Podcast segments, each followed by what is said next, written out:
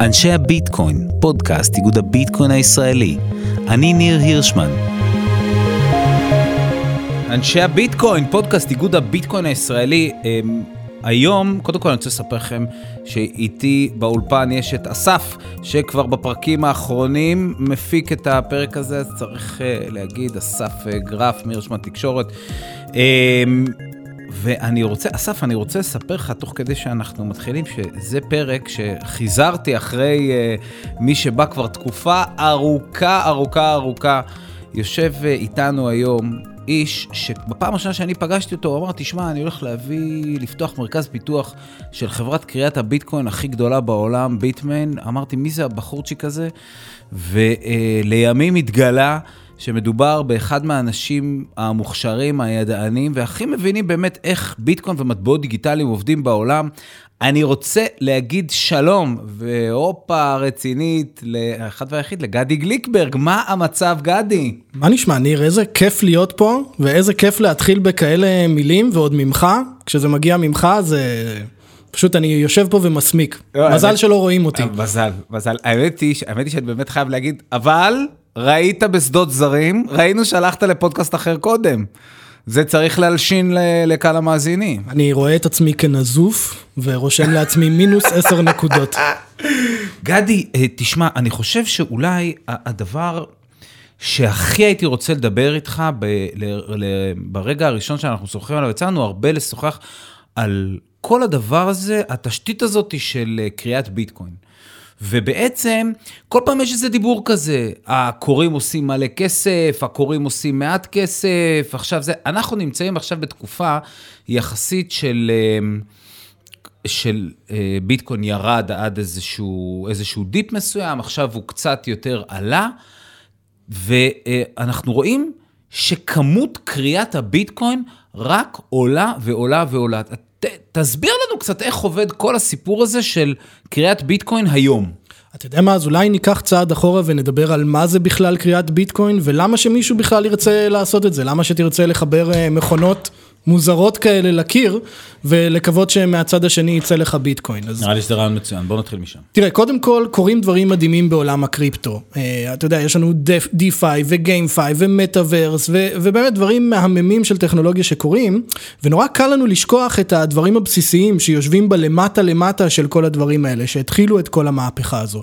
וקריאה זה ממש אחד מהדברים האלה, זה התשתית שהיום אנחנו מקבלים אותה כמובנת מאליה, אבל כשאנחנו חושבים על מה זה, זה באמת משהו שהוא אה, פשוט, אה, פשוט מהמם. תחשוב שאתה היית יכול היום לחבר מכונה לקיר, והייתה מדפיסה לך שקלים. זה נשמע לך הגיוני דבר כזה? שאתה, ניר הירשמן, בן אדם פרטי, תקנה איזשהו מחשב, תחבר אותו לקיר והוא ייצר שקלים יש מאין? בוודאי שאי אפשר לעשות דבר כזה, נכון? מיד יקפצו עליך כל רשויות החוק ויאסרו אותך. אבל אם מצד שני, אם אני אקים data center ואני אמכור שירותי מחשוב, אז המחשבים שאני אפעיל כן יניבו לי איזושהי כמות מסוימת של כסף. נכון, אתה יכול לחבר מחשבים לקיר ולהניב איזושהי כמות מסוימת של כסף. פה, בעצם בביטקוין, אחד הדברים המהממים הוא שאתה מחבר מכונות לקיר ונוצר לך כסף יש מאין, אתה לא צריך למכור שירות למישהו. אין לך פה איזשהו גוף או צד שאתה צריך לשרת. אתה מחבר את המכונות, והכסף הזה נוצר. עכשיו, זה לא שהוא סתם נוצר, לא סתם מייצרים, אף אחד לא נותן לך כסף סתם. אתה מספק שירות שהרשת אומרת לך, לא משנה כמה מכונות תחבר, אני תמיד אצרוך ממך את השירות הזה, ומייצרת לך את הכסף הזה. ולמה הרשת מציעה לך את זה? הרשת מציעה לך את זה, כי מה שאתה עושה, השירות שאתה נותן, זה לאבטח את הרשת. מה שהקוראים עושים, זה לאבטח את רשת הביטקוין. ובגלל זה כשאנחנו אומרים, יש המון קריאה, הקריאה צורכת המון אנרגיה, הם מבזבזים אנרגיה, הם לא מבזבזים אנרגיה. הם ממירים אנרגיה לאבטחה של הרשת. אז הקוראים, מה שהם עושים, הם קונים את המכונות המיוחדות האלה, מחברים אותם לרשת, המכונות מאבטחות את הרשת, ובתמורה הרשת משלמת לקוראים באמצעות ביטקוינים חדשים שנוצרים יש מאין. עכשיו רגע, תן לי, ת, תסביר לי שנייה אחת, בגלל ש... תקשיב, בגלל שאנחנו בפודקאסט, אז הרעיון פה הוא לצלול טיפה יותר לעומק. זאת אומרת, היום אנחנו לוקחים מיינר, שזה בעצם איזשהו מחשב עם הרבה הרבה הרבה מעבדים, ואנחנו מחברים אותו לחשמל והוא מתחיל לעבוד. אבל בפועל, מה בעצם קורה? זאת אומרת, מה, מה הפעולה שאותו מיינר עושה?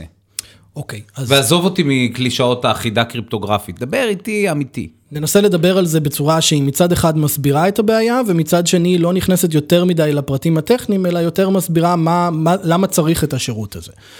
בלוק, אה, ביטקוין מבוסס על טכנולוגיה שנקראת בלוקצ'יין, כולנו שמענו את המילה הזאת. ובלוקצ'יין זה בעצם אומר שכל פעם שיש לנו העברה מבן אדם לבן אדם, גדי מעביר כסף לניר, ניר מעביר לאסף, אסף מעביר לגדי, כל ההעברות האלה בעצם נכנסות לבלוק אחד, והבלוק הזה נכנס לשרשרת של בלוקים, הוא מתחבר לבלוק הקודם של ההעברות, שמחובר לבלוק הקודם של ההעברות, שמחובר כך הלאה עד הבלוק הראשון, שקרא אותו סטושי נקמוטו בעצמו.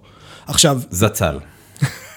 אף אחד לא יודע, אולי כן, אולי לא, אולי אולי לא. הוא מסתובב בינינו, אולי הוא יושב פה באולפן, אי אפשר לדעת. אני, אני חושב שההשערה שלי זה שהוא הדפיס הכל ארנקים קרים, ונשפך לו קפה עליהם. ואז הכל אה, יכול להיות. נמחק הדיו מהדף, ועד היום אשתו צועקת עליו. בוא נגיד, הכל יכול להיות וגם שום דבר לא יפתיע אותנו בשלב הזה. בהחלט. בקיצור, אז אנחנו רוצים להוסיף בלוקים חדשים לשרשרת, אבל אי אפשר להוסיף בלוקים חדשים סתם ככה, נכון? אנחנו רוצים לוודא שהבלוקים שנכנסים הם בלוקים חוקיים. מה זה אומר בלוק חוקי? נגיד, יש לך ביטקוין עכשיו, ואתה אומר, אני אתחכם. אני גם אקנה מגדי קפה עם הביטקוין הזה, ואני גם אשלם לאסף על, אה, על הסחורה שהוא מוכר לי עם אותו ביטקוין אחד, ובעצם אעשה את אותה העברה פעמיים. אז הרשת בעצם מוודא שאתה לא עושה את אותה העברה פעמיים, שההעברה שלך היא חוקית. אבל רגע, נניח אתה הרי אומר שכל עשר דקות יש בלוק. נכון. עכשיו, מה קורה אם אני עכשיו יושב מולך, נניח, אתה יודע מה, אתה כרגע, בדוגמה שלנו, אתה הרמאי לצורך העניין, אז אתה משלם לי על כוס קפה, ומהר מהר בתוך שתי דקות רץ לאסף ומשלם לו על אה, שקית של צ'יטוס, ויש לנו בעצם שתי העברות ששילמת לי ביטקוין אחד, לא ביטקוין אחד, הרשת עדיין לא קלטה את זה, אז מה קורה? או, אז פה אתה רוצה לחכות שהקוראים, שאמרנו שהם מאבטחים את הרשת, שהם יגידו, אוקיי, אני רואה העברה אחת, ואת ההעברה הזאת אני מאשר, ואת ההעברה השנייה אני זורק לפח. מה הכוונה? אמרנו שעשית שני העברות, אחת לי ואחת לאסף, הקוראים יכניסו רק אחת מהם לשרשרת הבלוקים. הם לא ייתנו לך להכניס את שתי ההעברות בבת אחת. זאת אומרת שיכול להיות שברגע ש... זאת אומרת שמה שהקוראים עושים הם בעצם, זה איזושהי תוכנת מחשב, שהיא לוקחת את כל ההעברות, היא מנסה להכניס אותן לתוך בלוק, אבל היא לא יכולה לקחת את שתי ההעברות האלה, ואז ברגע שהיא מנסה להכניס את כל ההעברות האלה ביחד, מה היא בעצם מחפשת?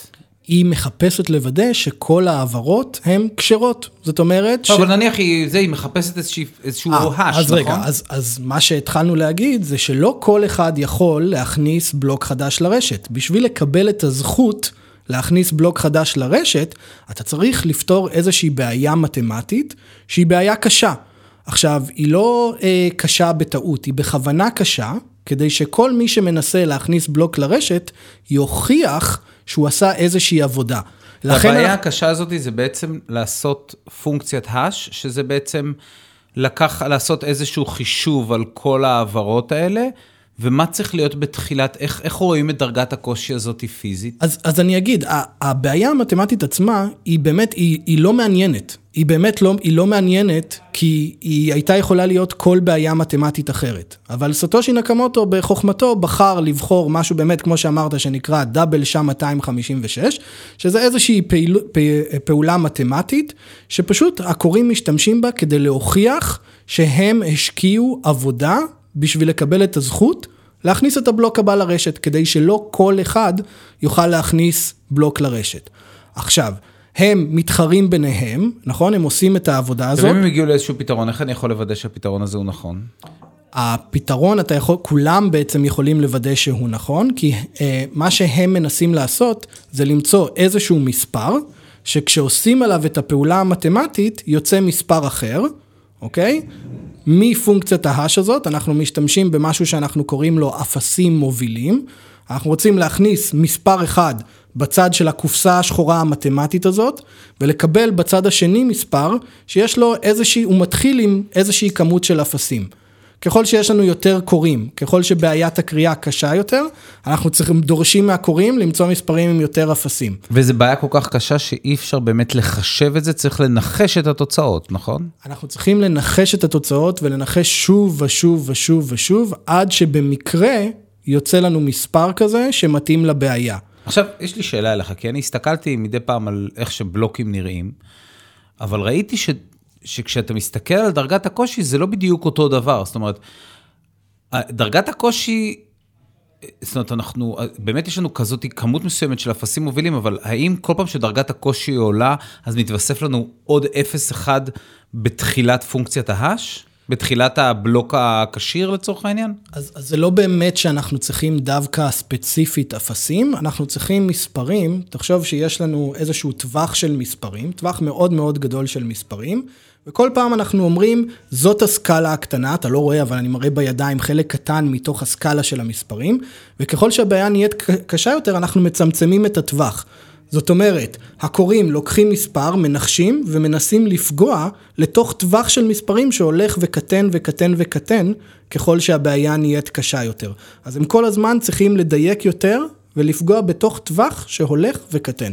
יש איזשהו גבול מסוים שבו הבלוק יהיה בעצם קטן מדי? זאת אומרת... שרמת הקושי תהיה כל כך גבוהה שלא נוכל להגביה אותה יותר? כן. אני חושב שאנחנו מאוד מאוד מאוד מאוד רחוקים מהדבר הזה. מאוד.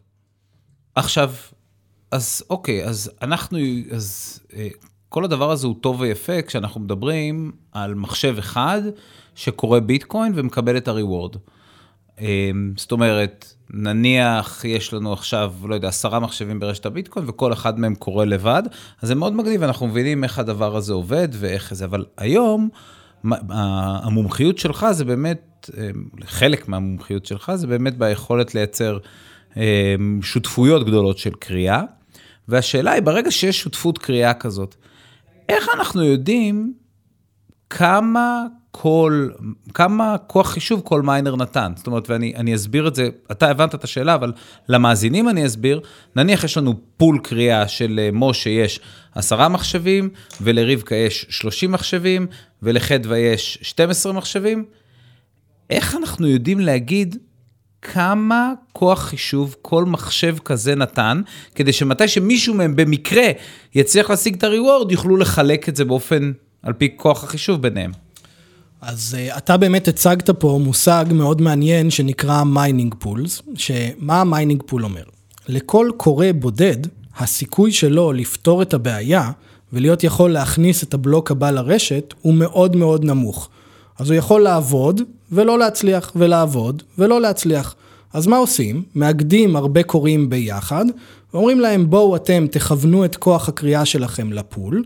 ה pool באופן הסתברותי יזכה בבלוקים לעיתים תכופות יותר, והוא יפזר את הרווחים בין כל הכורים, לפי כמות הכוח החישוב שהם תורמים ל mining pool הזה. זה כמו לצורך העניין, אם אנחנו נתאחד, אמ, זה כמו לצורך העניין הגרלת לוטו כזאת, שכל נכון. אחד אה, בעצם מנחש אה, מספר מסוים, ואם יש לנו מלא מלא מלא ניחושים, נניח מיליארד ניחושים, אז סביר להניח ש... ויש 7 מיליון אם יש 7 מיליארד תוצאות אפשריות להגרלת הלוטו, ואם יהיה לנו מיליארד ניחושים, אז מה, 1 ל-7 הגרלות אנחנו נזכה סטטיסטית? כן, אני חושב שאתה יכול לחשוב על זה ככה. בוא נחשוב על כל מכונה כמישהו שיושב ומגרד כרטיסי, כרטיסי לוטו. הוא יושב ומגרד ולא זוכה, ויושב ומגרד ולא זוכה, נכון?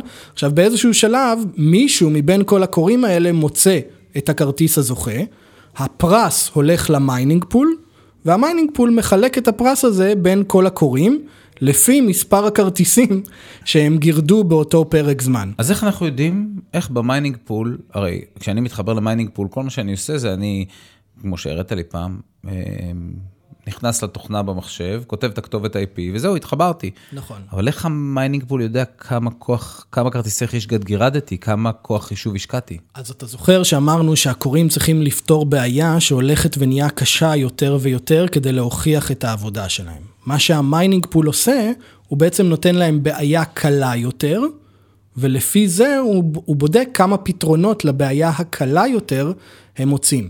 זה קצת כמו שהוא יגיד להם, תשלחו לי גם את הכרטיסי לוטו הלא זוכים, אני אספור כמה פעמים ניסיתם לגרד כרטיסי לוטו, ולפי זה אני אתן לכם את הפרס. בעצם הם מגישים ל mining pool את ה... את, הפ... את, את הפתרונות שהם לא בהכרח מספיק טובים כדי לחתום את הבלוק הבא. אבל הם מספיק טובים לפי הקושי של הבעיה שה mining pool נתן להם. זה מטורף. זה אומר שבעצם הם צריכים לעבוד, הם לא עובדים פעם אחת, הם עובדים פעמיים, שלוש וארבע, לא? או שבעצם מי שעובד את הכמה פעמים זה ה mining pool שצריך לבדוק בעצם כמה פתרונות הוגשו לו.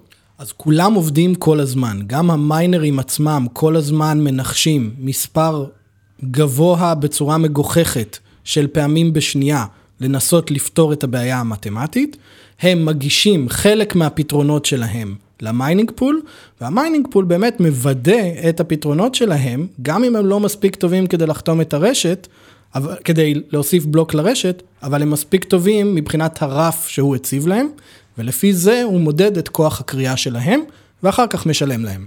עכשיו, אז אוקיי, אז הבנו בעצם איך נעשה mining, איך, איך, איך מתבצעת הכרייה בפועל. אבל לצורך העניין, כשאני, נניח בישראל, אני קונה כזה miner, כן. אז אני לאו דווקא ארוויח כסף. איך הם, איך הם מרוויחים כסף בעצם? אוקיי, אז ברגע שקנית את ה miner וחיברת אותו ל mining pool, ה mining pool מודד כמה כוח כרייה אתה נותן לו, ולפי זה הוא משלם לך. מה הבעיה בלכרות בישראל? אה, בסופו של דבר, ככורה, ההוצאה הגדולה שלך היא החשמל. להפעיל את המכונה. המכונה צורכת הרבה חשמל, חשמל עולה כסף, בישראל החשמל יקר, ולכן אם אתה תנסה לכרות כבן אדם פרטי בבית במחירי חברת החשמל, בסוף את הכסף שה mining pool ישלם לך, אתה תצטרך להמיר אותו ופשוט לשלם לחברת החשמל. אבל אתה אומר שהבעיה היא לא רק מחירי החשמל, אלא גם המחירים של המכונה עצמה. שתי העלויות העיקריות שיש לכורי ביטקוין הם העלויות של המכונות ועלויות החשמל. אבל מכונה זה מחשב, אין לה מחיר קבוע? המחיר של המכונות האלה, בגלל שהשוק הוא לא חופשי ולא משוכלל ולא רווי, יש לך בעצם דואופול של שני שחקנים, אז המחיר של המכונות האלה מאוד מתנדנד עם המחיר של ביטקוין ועם קושי הכרייה. מה הכוונה? יושב מישהו ב Bitmain, ולפני שהוא מוכר את המכונות, הוא מסתכל ואומר, כמה כסף נראה לי שאנשים הולכים להרוויח מהמכונה הזו, פחות או יותר, אני נותן להם איזשהו discount על זה, ולפי זה אני מתמחר את המכונה. הוא לא מתמחר אותה לפי עלות, הוא לא מתמחר אותה לפי אה, דרישה של השוק, הוא פשוט מתמחר אותה כמו שהוא יכול. זאת אומרת, הוא, הוא שואל את עצמו, הוא עושה, זה בעצם הוא סוג של שחקן ארביטראז'י כזה, הוא אומר לעצמו, כמה כסף אפשר להרוויח על המכונה הזאת, ועל פי זה אני לוקח איזושהי חתיכה מזה. תשמע, זה אפילו קצת יותר, אה, אה, קצת יותר אה, קשוח מזה. הוא okay. אוקיי. מסתכל על זה ואומר, כמה הלקוח יחשוב שהוא הולך להרוויח מהמכונה הזו, ולפי זה אני גובה ממנו. אתה יודע שמה שהופתעתי עכשיו, ממש, האמת היא שלא דיברנו על זה לפני הפרק, אני מקווה שאתה יודע, אבל... יש, ממש נחשפה עכשיו חברה ישראלית שעוסקת, אה, עם 176 עובדים, שעוסקת בפיתוח שבבים לקריאת ביטקוין. אתה שמעת על העניין הזה? אני לא שמעתי על העניין הזה. אז כן, זה משהו די מטורף, יצא עכשיו מסטלף, אנחנו שנינו נצטרך לדון בזה בהמשך, אבל אמ, אז בעצם, בעצם מה שקורה זה שיש לנו אה, מכונות בעצם, שיש להם איזשהו מחיר משתנה וצריך לתפוס אותם בזמן. יש לנו עלות של חשמל, אבל אתה אומר שיש עוד משהו, זאת אומרת, מכונה מהרגע שהיא... זה, היא חייבת להתחיל לעבוד כמה שיותר מהר, נכון? היא חייבת לעבוד כמה שיותר מהר. אם אתה זוכר, בתחילת השיחה אמרנו שבאופן כללי קושי הקריאה הוא הולך וגדל. כן. מה שאומר שבימים הראשונים שאתה מחבר את המכונה, היא תייצר לך יותר מבימים האחרונים שלה. כי כוח הקריאה של אותה מכונה נשאר קבוע, וכוח, וכוח הקריאה ברשת ממשיך לעלות. כן, בעצם אחד הדברים שלא אמרנו, אבל חשוב להבין, היא שכמות הביטקוין החדשים שנוצרים כל יום, היא פחות או יותר, היא קבועה. היא נחצית כל ארבע שנים, אבל בזמן, פרק זמן נתון, היא קבועה. ומה שקורה זה שאנחנו לוקחים את כמות הביטקוינים הקבועה הזו, ואנחנו מחלקים אותה בין כל הקוראים. ככל שיש יותר קוראים, זה אומר יותר אנשים מתחלקים באותו גודל עוגה. העוגה לא גדלה רק בגלל שנוספים קוראים חדשים. זהו, כי מה שמדהים, כי בעצם ברשת הביטקוין, ברגע שיש יותר קוראים, אז הפרוטוקול, מערכת החוקים של התוכנה בעצם מעלה את רמת הקושי ודואגת לזה שרק כל עשר דקות יונפק, יונפקו... כמה אנחנו עכשיו? 6.25? יונפקו 6.25 עכשיו, נכון? 6.25. אז כל, אז כל 10 דקות יונפקו 6.25 מטבעות. אם בטעות אחרי דקה הונפקו, אז בעוד לקראת ה... אמ, אה, לקראת התאמת הקושי הבאה שמתרחשת אחת לשבועיים, בעצם דרגת הקושי תעלה פתאום. נכון, אז בדיוק כמו שאתה אומר, בתוך הרשת באופן מובנה יש מנגנון שמודד כל כמה זמן נוצרים הבלוקים, ומנסה לאזן את הקושי כדי לשמור על קצב קבוע של בלוק כל עשר דקות. אם אנחנו מסתכלים היסטורית, בגלל שכוח הקריאה כל הזמן הולך וגודל, אז בהסתכלות אחורה אנחנו נראה שהזמן הממוצע לבלוק ברשת הביטקוין לא היה עשר דקות, היה פחות מזה, בגלל שהרשת כל הזמן מעדכנת את הקושי, אבל גם כל הזמן נוספים קוראים חדשים. כך שלאורך תקופה, בממוצע, ייקח פחות מעשר דקות לבלוק להגיע. תגיד, אבל אם זה כזה שוק משוחרר, איך אתה מסביר את זה שאנחנו ככה בתקופה קצת של סלופ, של קצת ירידה במחירים, ועדיין כוח הקריאה ברשת הולך ועולה, הולך ועולה, הולך ועולה, הוא לא, זאת אומרת, הוא לא, הוא לא משתנה. איך הם מצליחים לסדר את זה כלכלית, הקוראים בימים האלה? או שזה הכל על איזשהו בסיס אמונה שאולי פעם יקפוץ? אז, אז תראה, הדינמיקה אני חושב שהיא מאוד מעניינת, אבל השוק הוא לא באמת משוכלל. בסופו של דבר, אם אנחנו מסתכלים על מה יהיה כוח הקריאה בעוד חצי שנה, יש כנראה שני אנשים בעולם שיודעים מה הוא יהיה, וזה מנכ"ל ביטמיין ומנכ"ל מייקרו ביטי, שהיום יושבים ומחליטים כמה מכונות הם הולכים לייצר בעוד חצי שנה.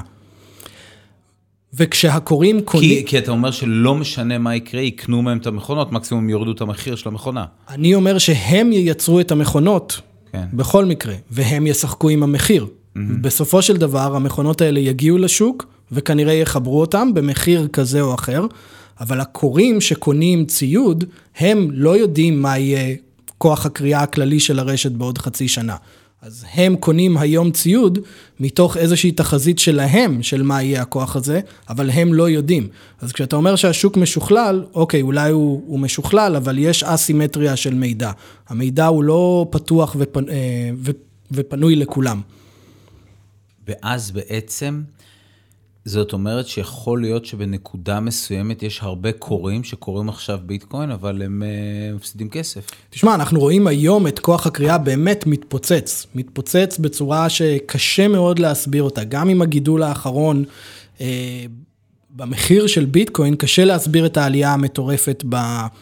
בכוח החישוב, ואני חושב שהדרך היחידה באמת להסביר את זה היא שאנשים... מישהו גונב חשמל. לא, אבל קוראים, עושים החלטות קדימה מתוך איזה שהם אמונות שלהם, מתוך איזה שהם מודלים שלהם. האם המודלים האלה מתקיימים או לא, זה, אתה יודע, בסוף אה, קשה לדעת. אבל כל אחד עושה את התחזית שלו, הוא צריך לשים את הכסף היום בשביל משהו שיקרה עוד חצי שנה, עוד שנה. לבנות data center למשל, לוקח בין שנה לשנתיים. אתה לא יכול לחכות שהמחיר של ביטקוין יעלה ולהגיד, אוקיי, עכשיו אני בונה data center בשביל עכשיו. אתה צריך לעשות איזושהי תחזית קדימה.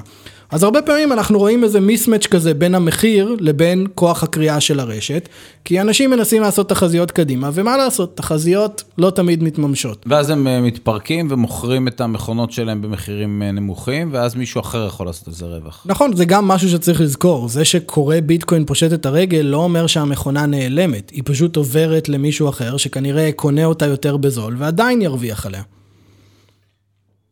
האמת היא ש... הסיפור הזה של קריאת ביטקוין ובכלל קריאת מטבעות דיגיטליים, הוא לא עכשיו, מהרגע שהתחילו לעבור ל-proof of stake ובאיתריום וכן הלאה, אה, זה לא קצת, זה לא איזשהו תחום שאנחנו אומרים לעצמנו, טוב, זה יכול להיות שאנחנו נראה איזושהי ירידה בתחום, שהוא יתחיל להיעלם קריאה של מטבעות דיגיטליים, או שלצורך העניין אתה אומר, תקשיב, זה, זה, זה כאן כדי להישאר. בוא אני אשאל אותך חזרה, אתה מתאר לעצמך את ביטקוין משנה את עצמו אי פעם מ-proof of stake, מ-proof of work ל-proof of stake? אני מעריך שבצורה שבה בנויה הקהילה, זה לא יקרה בחיים. בביטקוין ספציפית, כי ביטקוין הוא באמת, ה, ה, אם אנחנו מסתכלים על העץ של המטבעות דיגיטליים, אז ביטקוין הוא, ה, הוא הגזע. נכון. ושם אתה אומר לעצמך, טוב, אני רוצה לעשות איזה trade-off, וה trade-off הוא שאני רוצה לשמור על שמרנות מצד אחד, אני רוצה לשמור מצד אחד על שמרנות וביזור, ולכן אני, אני, יש כל מיני מחירים שאני משלם. חלק מהמחירים שאני משלם זה בלשמור על שיטה שללא ספק היא, היא קשוחה ברמת האנרגיה, היא מאובטחת כמו איזה סוג של פורט נוקס לצורך העניין, יותר טוב כנראה. אמ, אבל כן, ברשתות קטנות יותר, זאת אומרת, במטבעות שהיו מבוססים, אה, תכף אנחנו, תכף אני אשאל אותך לגבי פרויקט אחר שהיית מעורב בו, אבל למשל, אה, דיברנו על אה, פרויקטים של, שמבוססים נניח על, על גוסט דאגים וכן הלאה, זאת אומרת, על כל מיני שיטות שמאפשרות לשמור על קריאה כמו שאנחנו מכירים אותה, אבל בשיטות קצת יותר מתוחכמות, הם נראים לי עכשיו, אם באמת proof of stake מצליח כמו שצריך, הם נראים לי קצת מיותרים. כי למה לך לשכלל אה, מכונית בנזין שכבר טסה לידך, אה, מכונית שעובדת על מנוע של מימן לצורך העניין או חשמל? אז תראה, יש פה איזושהי הנחה שאני לא בטוח שאני מסכים איתה, ש-proof of stake ו-proof of work הם אותו דבר, למעט זה ש-proof of stake לא משתמש באותן כמויות חשמל. לא, ש-proof of stake הוא דבר אחר לחלוטין, אבל אם הוא עובד, הוא עובד. אם הוא מצליח לייצר לנו מטבע דיגיטלי מבוזר, אז הוא מצליח, הוא מצליח לשמור על קונצנזוס ברשת, אז הוא מצליח. אני חושב ש... האם, זה החלק החשוב. אני חושב ש... אז, היו כמה שאלות שזרקת שם בבת אחת ואני אנסה לענות לכולם. קודם כל, האם העניין של הקהילה עבר מ-proof of work ל-proof of stake? כן, לחלוטין. Uh, בהחלט פרויקטים חדשים, מטבעות חדשים, שרשראות חדשות שיוצאות, רובם, רובן, רובן, יוצאות בשימוש במנגנוני proof of stake כחלק מהקונצנזוס שלהם, ולא כ-proof of work. זה גם הרבה יותר מתאים לנרטיב הירוק, אה, הרבה יותר מסתדר עם, אה, אה, עם הטרנדים הנוכחיים, ואני חושב שכן, זה, זה בהחלט בעיה עבור, עבור קוראי ה-GPU, נגיד את זה, ואולי באיזשהו שלב בשיחה נגיע להסביר מה ההבדל בין קריאה בכרטיסי מסך לקריאה ב-ASICים. קריאה בביטקוין, אני מסכים איתך, היא לא הולכת להיעלם. הקהילה היא מאוד שמרנית, המנגנון הזה לא הולך להשתנות, אני מעריך ש... קושי הקריאה, כמות הקוראים שיש שם, רק הולכת לגדול בתוך העולם הזה של ביטקוין. אמ, אבל עם זאת, כמו שאמרת, האם לא נראה פרויקטים חדשים יוצאים, משתמשים במנגנון proof of stake? אני מעריך שבעיקר כן. התנועת נגד, אני חושב, היחידה שיכולה לבוא לדבר הזה, היא דווקא מכיוון מאוד אה, מפתיע, היא מכיוון ה-SEC.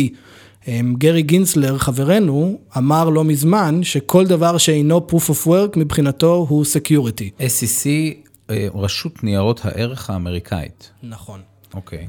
עכשיו, אם כל דבר שהוא לא proof of work הוא security, ואתה מוציא פרויקט חדש עכשיו, האם אתה רוצה להיחשב כנייר ערך, או שאתה מוכן לשנות קצת את ה trade-off שלך ולעבור ל-proof of work כדי להיחשב כמטבע מבוזר באמת. אני לא יודע מה התשובה לשאלה הזאת, זו שאלה שאני שואל כשאלה רטורית, אבל אני חושב שזה כן יכול לייצר איזושהי דחיפה כנגד בחזרה ל-proof of work. כי בסוף, כי בסוף האמירה היא שבהוכחת אה, עבודה, ב-proof of work, אתה לא באמת יכול להוריד את השלטר אף פעם. אתה לא יכול להוריד את השלטר אף פעם. אולי נסביר את זה קצת יותר טוב, שאתה לא יכול אף פעם להפסיק את הרשת, כל פעם שמישהו יקפוץ עם מחשב, אפילו הכי קטן שיש, ויפעיל אותו, רף הכניסה יהיה מאוד מאוד מאוד נמוך.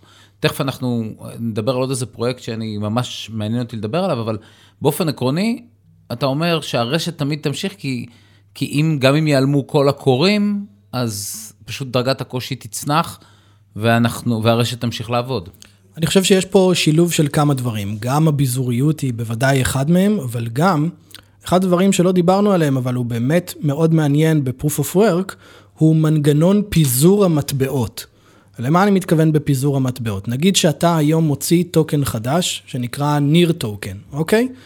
אם אתה מסתכל... בעזרת השם דולר לניר טוקן, שנה מהיום. אה, סתם, אני... סתם, אני צוחק, אה, כל הזה ירדו עליי אחר כך. לא, לא, שום דבר, לא מוציא טוקן. לא באמת יהיה ניר טוקן. לא, לא מוציא טוקן. תרגיל תיאורטי לחלוטין. תרגיל תיאורטי. האם אתה מסתכל אז, אז על, על טוקנים שיוצאים ועל אה, איך מחלקים את המטבעות, אתה רואה שהיום צוותים שמוציאים מטבעות, חלק ניכר מהמטבעות נשמר להם ולמשקיעים שלהם, חלק מפוזר לקהילה באמצעות אה, הצנחות, airdrops, אה, וחלק נמכר לאנשים. וזה שם אותך מאוד עמוק בתוך העניין של הסקיוריטי, זה חלק מה, מהטענה ש, שמשתמשים כנגד הדברים האלה שהם ניירות ערך. אבל במנגנון proof of work, שאין יתרון לצוות שיצר את המטבע, שכל אחד יכול לבוא ולכרות ולייצר לעצמו מטבעות יש מאין, בעצם החלוקה היא הרבה יותר רחבה והרבה יותר הוגנת. אתה לא מוכר לאנשים מטבעות כדי לממן את הפרויקט. ובנקודה הזאת, אז אני באמת רוצה, רוצה ככה אה, ללכת איתך עוד צעד, אנחנו נעשה פרק מיוחד עם, אה, עם יוני סומפולינסקי בעניין הזה ככל שנוכל, אבל אה, אתה היית מעורב בפרויקט שנקרא, שנקרא קספה, ואני רוצה לדבר איתך על משהו מיוחד שקרה שם, זאת אומרת, אתם התחלתם לעבוד בתור חברה, ובאיזשהו שלב החלטתם לקפל את הבסטה, ואז קרה משהו. אז, אמ, אז כן, אז, אז קספה זה אכן אה, מטבע מבוזר, אמ, שנוצר בהובלתו של אה, דוקטור יונתן סומפולינסקי. קספה אמ, הוא מטבע שאכן מבוסס על proof of work, והוא בא לעולם כדי לממש את עבודת הדוקטורט של יונתן, ולהראות שאפשר לעשות scaling למטבעות proof of work. אה, בדרכים שהן יותר חכמות מאשר סתם להגדיל את גודל הבלוק או את כמות הבלוקים בשנייה. אה, אני הגעתי לעבוד עם יונתן בסוג של שלבי הסיום של החברה, כשהיא הייתה במצב אה, קצת בעייתי, שמצד אחד היו הרבה התחייבויות, מצד שני רצינו להוציא את המטבע והיה קושי לגשר בין ההתחייבויות של החברה ליכולת להוציא אותה כמטבע עם fair launch, שהוא נגיש לכולם והוא פתוח לכולם. אה, יונתן החליט אה, לסגור את החברה, ואני חושב שאם יש איזושהי תרומה אחת שעשיתי לקספה, אני מקווה, היא הייתה לשכנע את יונתן אה, לא לזרוק את הקוד בייס לפח האשפה של ההיסטוריה, אלא פשוט לשחרר אותו. ואז, לק... קורה, ואז קורה פלא. נכון, אז, אז יונתן לקח את הקוד, עשה בו עם הצוות המאוד מאוד חזק שיש שם אה, בהתנדבות את התיקונים הסופיים שהיה צריך כדי לשחרר אותו. ופשוט שחרר אותו, בלי פרי-מיין, בלי... אה, בלי, ת... שיקרו, בלי, בלי לכרות מראש את ה... זה... נכון, בלי לייצר איזושהי אלוקציה מובטחת לו, למשקיעים או לצוות, הוא פשוט שחרר אותו, ונתן לכל העולם לשחק בו. אה, אני חושב שמה שקרה מאז, אף אחד מאיתנו לא, צפ, לא, לא ציפה לו, אמ, אבל באמת להפתעתנו, בנקודה שבה היינו, אנחנו ראינו את השוק מתרחק מ-proof of work, מאבד עניין בבעיות האלה של scaling, בדברים ש Kaspa פותרת. אמ, אבל אולי דווקא הדבר הזה של לשחרר את Kaspa באמת בקוד פתוח, בלי שום אה, יתרון לצוות, בלי, בלי משהו שהוא לא הוגן, אלא לתת איזשהו זירת משחק הוגנת לכולם, בנה שם קהילה אמיתית שמאמינה במטבע ודוחפת אותו ומקדמת אותו. זהו, בלי להתייחס למטבע עצמו, מה שראינו באותו שלב זה שפתאום מתווספים הרבה מאוד אנשים שחלקם... שחלקם תורמים קוד, חלקם כותבים מדריכי משתמש, חלקם עושים את הלוגו, כל אחד עושה איזשהו משהו, ועד נכון. מהרה גם ראינו שנוצרת ממש איזושהי קרן אה, מתנדבים, ו... כן, אז באמת היו, היו שם כמה שלבים. אני חושב שהשלב הראשון היה איזשהו vibe כזה, שאני מנחש שהוא דומה למה שהיה בביטקוין בימים הראשונים, שאנשים... אגב, לי, זה לא עצת השקעה, אנחנו לא, אין לנו... שום עניין בסיפור הזה, אה, אני לא מחזיק אה, כמובן מטבעות, לא זה, רק אני מנסה לספר את הסיפור עצמו. בהחלט לא עצת השקעה. אה, כל אחד... השקעה גרועה מאוד, כן, חייבים לומר. אוקיי, כן. אני חושב שהיה איזשהו vibe כזה של, כמו בימים הראשונים של ביטקוין, שבעצם אנשים כורים על המחשב האישי שלהם, ונוצרת איזושהי קהילה ב Discord, ומדברים, ומתחילות איזה שהם עסקאות over the counter, שאנשים קונים מהכורים מטבעות באיזה שהם סכומי דולרים ומדברים ומה אפשר לעשות, ובא מישהו ומבקש, אוקיי, אני יכול לפתוח קבוצת טלגרם כזו, האם אני יכול לקחת את הפרופיל טוויטר. בשלב הזה כבר לא הייתה חברה, אז אתה יודע, התשובה שלנו הייתה פשוט תעשו מה שנראה לכם, אין לנו שום מונופול או אה, אישור לתת לכם, מי שרוצה שפשוט יעשה. והקהילה התחילה להרים אה, קרנות לטובת שיפורים מסוימים, אנשים התחילו לתת הצעות. אה, לשיפורים כאלה, שיפורים אחרים. אנשים פשוט תרמו כסף כדי לגרום לזה לקרות. נתנו גרנטים למפתחים, למשווקים, כדי פשוט לעשות את העבודה. הכסף בא מהקהילה, הוא לא, הוא לא בא מהיזמים, הוא לא בא מהמשקיעים, הוא ממש בא מהקהילה. אתה מסתכל היום על הדיסקורד, על כמות האנשים שיש שם, אה, באמת בלי שום קידום, בלי שום אה, עבודה שנעשתה שם כדי לפרסם את כספה, פשוט כיף. זהו, כי אני חושב שלפעמים אנחנו שוכחים את, ה, את הקסם הזה בקהילות קוד פתוח, אתה יודע, אנחנו עושים את זה, אנחנו, אנחנו מדברים היום בפודקאסט תוך כדי שאנחנו אה, נמצאים אולי בעיצומם של הימים הכי דרמטיים בתולדות מדינת ישראל, לדעתי, עם הרבה מאוד הפגנות, הרבה מאוד זה, ואנחנו, אני חושב על ההתארגנות הזאת של כספא, שהיא ככה התארגנות גלובלית אולי של, אה, גלובלית לא ברמת כמויות המשתמשים, אלא ברמת הפיזור שלהם על הגלובוס, אבל כאילו יש לך איזושהי אפשרות לקהילה של כמה אלפים, ואני חושב שזה אולי, יש בזה איזשהו סוג של דמיון למה שאנחנו רואים אה, עכשיו במחאה הזאת, היכולת של ציבורים גדולים לקחת את האינטרנט ולהשתמש בו. בצורות אחרות ממה שחשבנו, זאת אומרת, אנחנו חושבים לפעמים שדברים יכולים לקרות בצורה מאוד מאוד מסוימת, אבל לפעמים פשוט נובטים מעצמם, נוצר איזשהו, איזושהי התאחדות של רצון של בני אדם, ומייצרים, אה, אה, במקרה הזה מטבע דיגיטלי, במקרה של המחאה איזשהו, איזושהי התעוררות ציבורית מאוד מאוד גדולה, אבל אני חושב שאולי ההשוואה קשורה לעובדה שכמו ששם בעצם מישהו אמר, אוקיי, יש לי איזשהו ידע מסוים, בוא נרוץ עליו, אז גם כאן יש איזשהו... ניסיון לבוא ולהגיד, טוב, בואו נלך להפגין כאן, או בואו נעשה ככה, ואנשים כאילו מתחברים סביב הרצון שלהם לקחת חלק בתוך איזושהי קהילה, לא? אני חושב שכשאתה נותן לאנשים את הכלים לקחת חלק אה, ולהשפיע על משהו, אז אה, הם יפתיעו אותך. הם פשוט יפתיעו אותך בדברים שהם עושים, ברעיונות שהם מביאים, ביכולת שלהם, וזה משהו שהוא פחות מתאפשר בפרויקטים שהם מסחריים, עם רצונות, שאתה יודע שבסופו של דבר מישהו אחר מרוויח מהעבודה. אמ, אני לא בטוח שאני רואה לחלוטין את הקשר למחאה. אה, לא, אני אגיד לך, אני מסתכל עכשיו על ה... כן, אני רואה. אני רואה, אני מסתכל עכשיו על המחאה, ואני רואה את הצד השני שלה, זאת אומרת, את ההתארגנויות בוואטסאפ, את נכון. הקבוצות, אה, את הקבוצות טלגרם, ו... כאילו כשאני חושב על כספא, לפחות בשלבים הראשונים, גם כן גילוי נאות, בשלבים הראשונים ממש אה, הורדתי מיינר ושיחקתי עם זה, זו הפעם הראשונה שהבנתי, בעזרתך כמובן, איך עובדת קריאה ממש hands on, ואני חושב שה...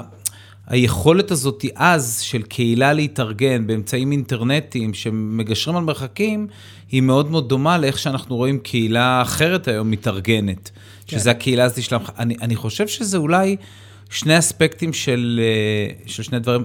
אמ, אתה חושב שיש מקום, בתור מי שהיה כאן, אני חושב, בקהילת המטבעות הדיגיטליים, אני חושב, מ-2014, אתה חושב שיש מקום לקהילה של קהילת הביטקוין, קהילת המטבעות הדיגיטליים בישראל, לקחת חלק בדיון הפוליטי הזה שקיים היום? וואו, זו שאלה כבדה.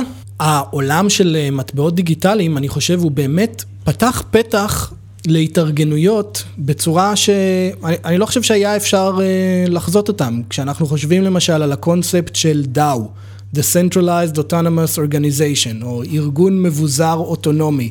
אה, ארגון שמתנהל בלי הנהגה, בלי מוביל, בלי מנהיג אחד, אלא מתנה... נותן לאנשים לקשור את עצמם ביחד למען מטרה מסוימת, אז זה בהחלט כלי שאפשר להשתמש בו גם למען המחאה. למשל, יכול להיות כזה דאו שיתארגן כדי לממן פעילויות מחאה אה, ויאסוף כסף מחברי הקהילה וייתן לחברי הקהילה בעצמם ישירות לנהל את הכספים ולהחליט מה המטרות הראויות ומה המטרות ששווה להשקיע בהם כסף כדי למחות. אני לחלוטין רואה, אני מבין את הנקודה אה, של מה שאתה אומר ואני חושב שיש פה משהו, משהו באמת אה, מאוד מעניין. אני חושב שכל הפלטפורמה הזאת של קוד פתוח והתארגנויות היא בבסיסה של קהילת הקריפטו. של לתת לאנשים את החופש, לנהל את הדברים בעצמם, בלי איזושהי ישות מרכזית שמובילה אותם. אני חושב שיהיה מרתק לראות לאן ההתפתחות הזאת תלך. טוב, אז זה הזמן אה, להגיד שאם יהיה משהו, אנחנו נשים את זה כמובן ב, אצלנו בפרק, את אה, כתובת הארנק, שאליה אפשר יהיה לתרום. של דאו המחאה. ביטקוין ואיתריום לדאו המחאה, ובהזדמנות הזאת אני רוצה מאוד להודות לך. גדי, תודה שבאת. תודה שהזמנת אותי, ניר, היה לי כיף. אנחנו היינו אנשי הביטקוין, פודקאסט איגוד הביטקוין הישראלי. אפשר לשמוע אותנו בכל אפליקציות הפודקאסטים החביבות עליכם. מה שכן, אם שמעתם את הפרק הזה ואהבתם אותו, עכשיו זה הזמן לקחת את הלינק, לשלוח לחברה או חבר ולהרים לנו, למה לא? תודה רבה, גדי גליקברג. תודה רבה, ניר הירשמן.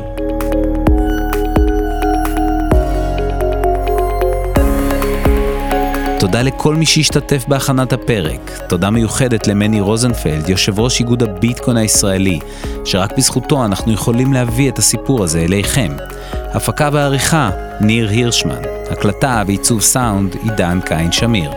את הפרקים שלנו ניתן למצוא בספוטיפיי, אפל פודקאסט וגוגל פודקאסט.